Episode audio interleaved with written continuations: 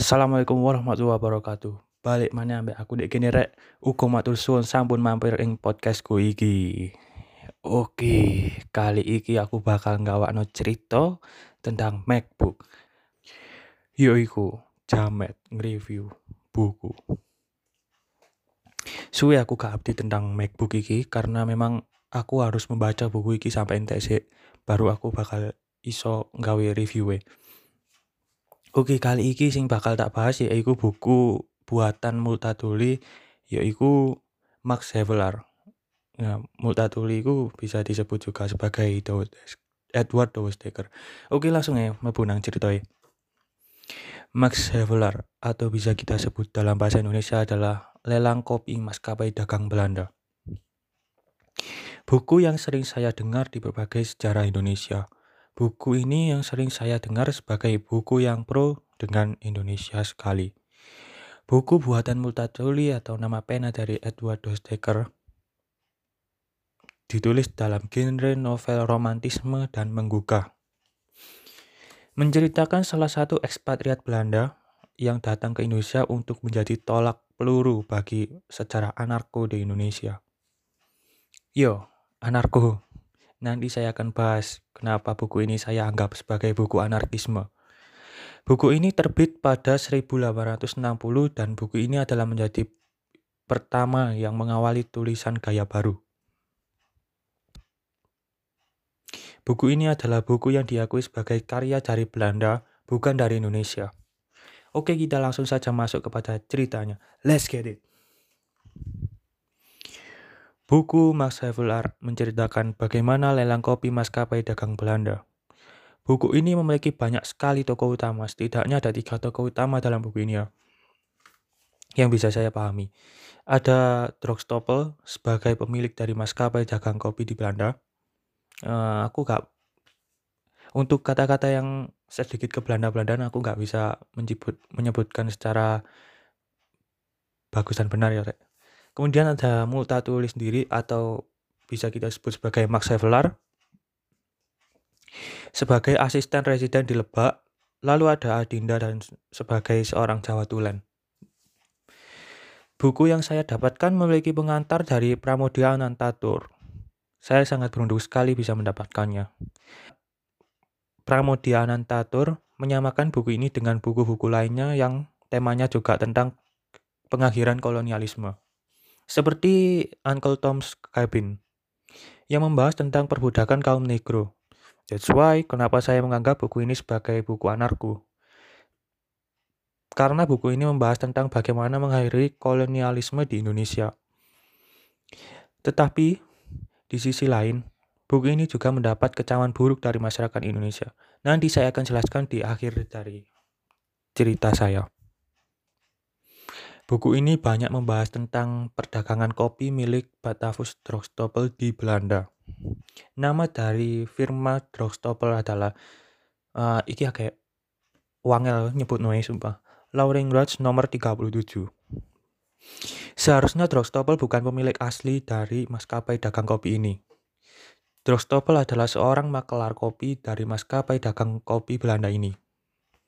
Ya, Lauring Yards nomor 37.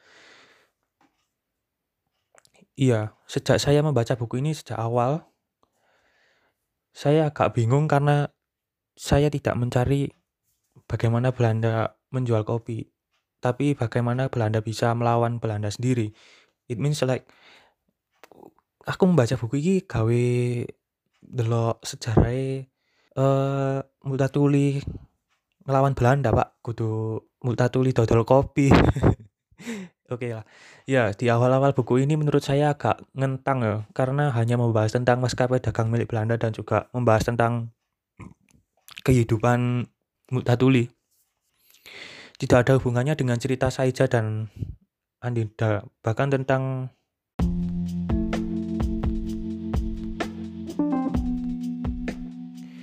meskipun tidak ada hubungannya dengan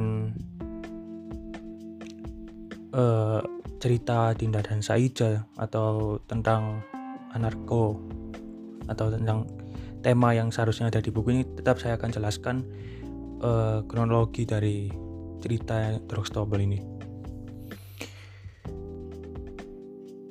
Pada cerita Drogstopel ini saya bisa pahami bahwa sumber daya manusia dari dagang kopi ini tidak bagus.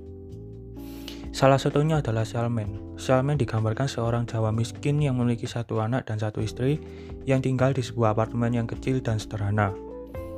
Menurut Drogstopel, Salman orangnya kurang kerja keras dan cenderung bermalas-malasan. Akhirnya timbul dari hati Drogstopel untuk mengganti Salman. Tetapi kandidatnya terlalu tua Xiaomen pandai dalam menulis buku, tetapi ia tidak bisa mengambil hati dari Drogstopel. Ia beri banyak bungkusan yang berisi buku-buku dan surat tentang banyak hal, termasuk juga tentang kopi di India Belanda. Ya, dominasi dari cerita Drogstopel ini banyak menceritakan tentang sumber daya manusia di firma kopinya dan juga saingannya. Di sini juga sedikit menceritakan tentang teologi Kristen Belanda dengan pemuka agama yang bernama Wawelar. Oke, kita kemudian masuk kepada cerita Max Havelaar. Cerita ini didominasi dengan cerita Multatuli yang bekerja menjadi asisten residen di Lebak. Ia mempunyai banyak partner atau teman ya. Salah satunya adalah Kontelir Verburg dan Duklari. Mereka sudah malang melintang menjadi perlop Belanda dan sudah menjadi partner yang lama. For your info, perlop adalah pegawai negeri Belanda. Sebenarnya ia ditempatkan di Sumatera Utara, tetapi sering dipindah-pindah karena sering merotes kinerja dari pemerintah Belanda yang semena-mena kepada Indonesia atau zaman dulu itu pribumi India Belanda. Akhirnya ia dipindah ke Lebak dan menjadi asisten residen di sana. Di sanalah akhirnya ia menulis kepada Gubernur Jenderal yang kemudian menjadi titik di mana ia diberhentikan menjadi pegawai Belanda. Pada cerita Multatuli ini difokuskan kepada cerita Multatuli dan Konteliverbook di Indonesia. Juga menceritakan bagaimana kondisi Indonesia pada zaman dahulu. Multatuli di sini juga membicarakan tindakan semena-mena yang diduga berasal dari asisten residen Lebak sebelum ia Inilah menjadi latar belakang kenapa Multatuli menulis tentang kondisi rakyat Indonesia ke Gubernur Jenderal. Ia membaca semua tuduhan-tuduhan yang dilayangkan ke asisten residen Lebak sebelumnya. Ia juga membaca surat-surat tentang kekejaman kekejaman rakyat Indonesia tentang pemerasan hak milik atas tanah yang dilakukan oleh Belanda dan juga tentang cerita Adinda dan Saija. Di sini ia menjelaskan secara gamblang bahwa tidak hanya pihak Belanda juga yang semena-mena, tapi juga pihak pribumi, yaitu para pemimpin pribumi atau raja-raja pribumi pada saat itu. Para residen-residen di sini tidak membolehi menanami kopi padahal di sini cocok untuk ditanami kopi. Pada suatu hari ada sebuah pertikaian antara pihak Inggris dan Belanda ini disebabkan karena ada kerajaan Islam di wilayah Sumatera, rakyatnya memberontak kepada Belanda. Pemberontakan ini dilatar belakangi karena dianggap eh, Belanda dianggap telah menyebarkan kristenisasi. For your info, para masyarakat Belanda termasuk Multatuli sendiri menganggap orang India Belanda adalah orang yang kafir karena memiliki agama Islam. Oke, kita kembali lagi ke cerita tadi. Setelah memberontak, ditangkaplah oleh pihak Belanda karena ada asumsi bahwa para pemberontak ini didukung oleh pihak Inggris. Setelah itu diselesaikanlah masalah-masalah ini oleh pihak Belanda dan muncullah kasus di mana para warga ini memang tidak suka dengan kedatangan bangsa Belanda karena menyebarkan agama Kristen di wilayahnya. Para petinggi Belanda mengajak ia untuk makan malam dan menceritakan semua tentang kronologi penyerangan itu. Di sini kita bisa simpulkan bahwa sepertinya Belanda tidak hanya memberikan pengaruh pada segi ekonomi, tapi juga segi keagamaan dan juga adu domba. Di sini keadaan Multatuli sangatlah miskin, sampai terjerat banyak hutang. Ia sangat ingin sekali pindah ke pindah atau pulang ke Belanda lagi. Tetapi nasib berkata lain. Ia malah menuliskan surat untuk membela rakyat Indonesia dari segala pengaruh kolonialisme Belanda. Ia bisa merasakan nasib warga Indonesia, tetapi di sisi lain juga keluarganya juga menderita. Anaknya tidak bisa makan enak, dan juga istrinya juga harus selalu mengikutinya ke mana pun ia pergi. Di titik ini saya sungguh sedih, apalagi anak Multatuli yang terserang penyakit kanker. Saya tidak tahu kanker di sini apakah majas atau beneran, tapi yang jelas keluarga Multatuli sangatlah menderita. Akhir dari novel ini sangat memilukan. Bagaimana Multatuli ini memperjuangkan bangsa Indonesia di hadapan Belanda harus mengorbankan keluarganya. Bagaimana ia harus menunggu suratnya supaya bisa dibaca oleh Gubernur Jenderal. Yang ada malah sebaliknya. Gubernur Jenderal malah menolaknya karena tuduhannya tidak bisa dibuktikan dan ia bisa saja dipindahkan, tetapi Multatuli menolaknya. Duklari dan Verbuk pun sampai meneteskan air mata karena mereka bertiga juga setuju bahwa asisten-asisten sebelumnya semena-mena.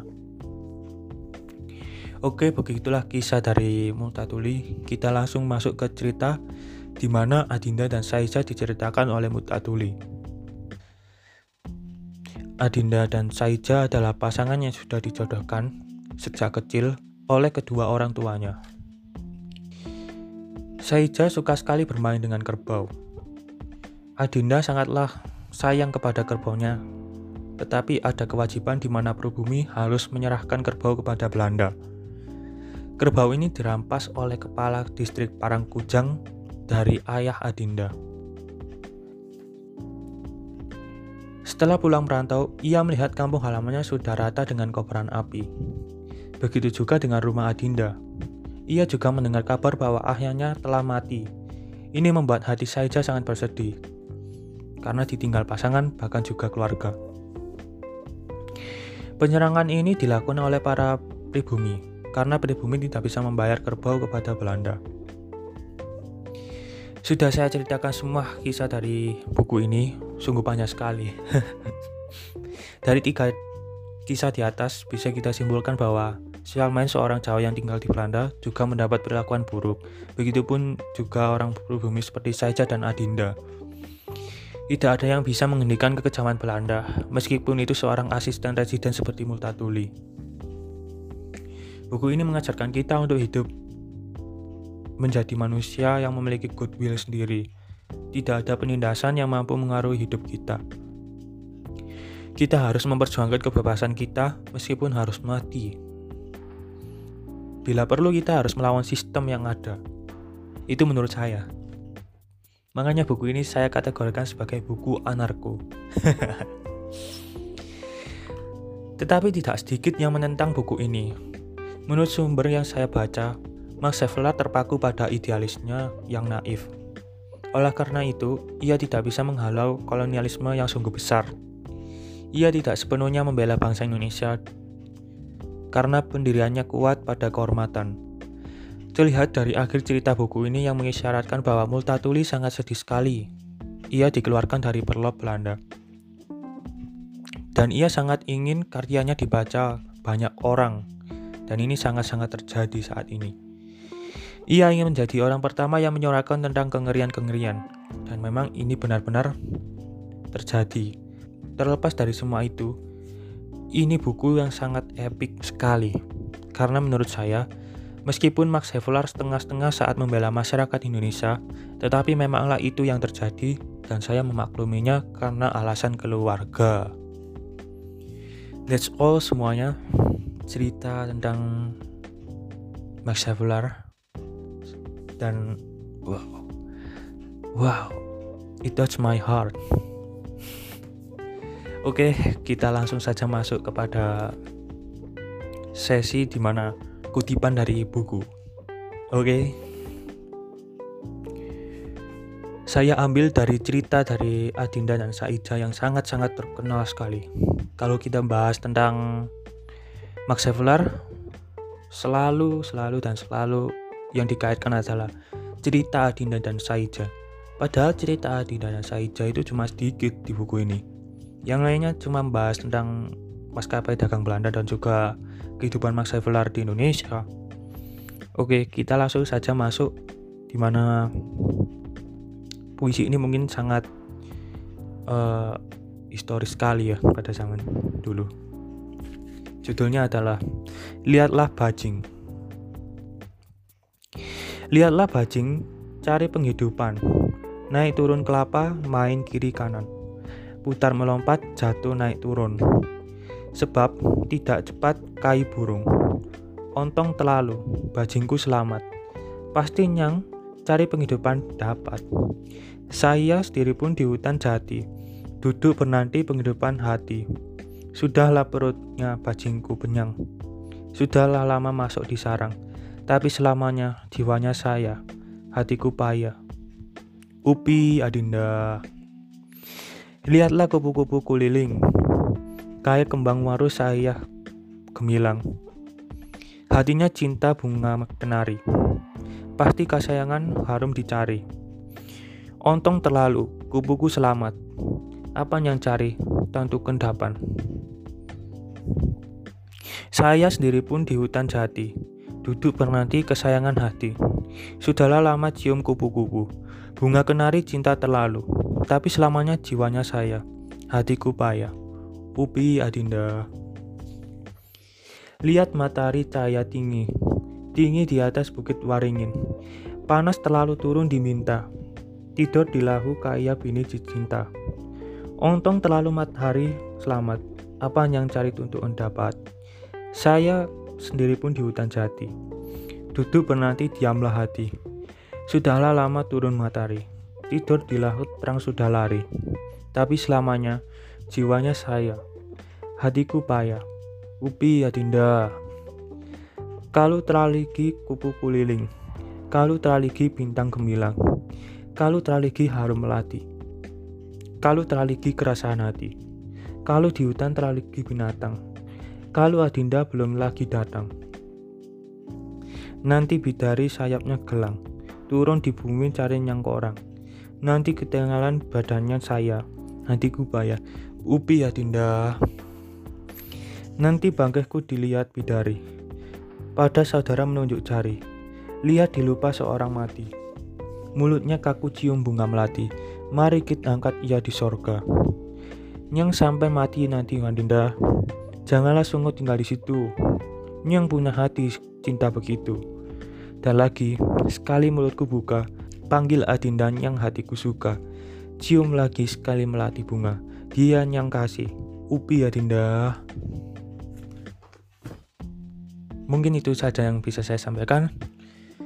Suwun gawe kon-kon kabeh sing wis ngrungokno sampai entek cerita rek. Uga matur suwun sampun ngrungokno cerita sampai entek.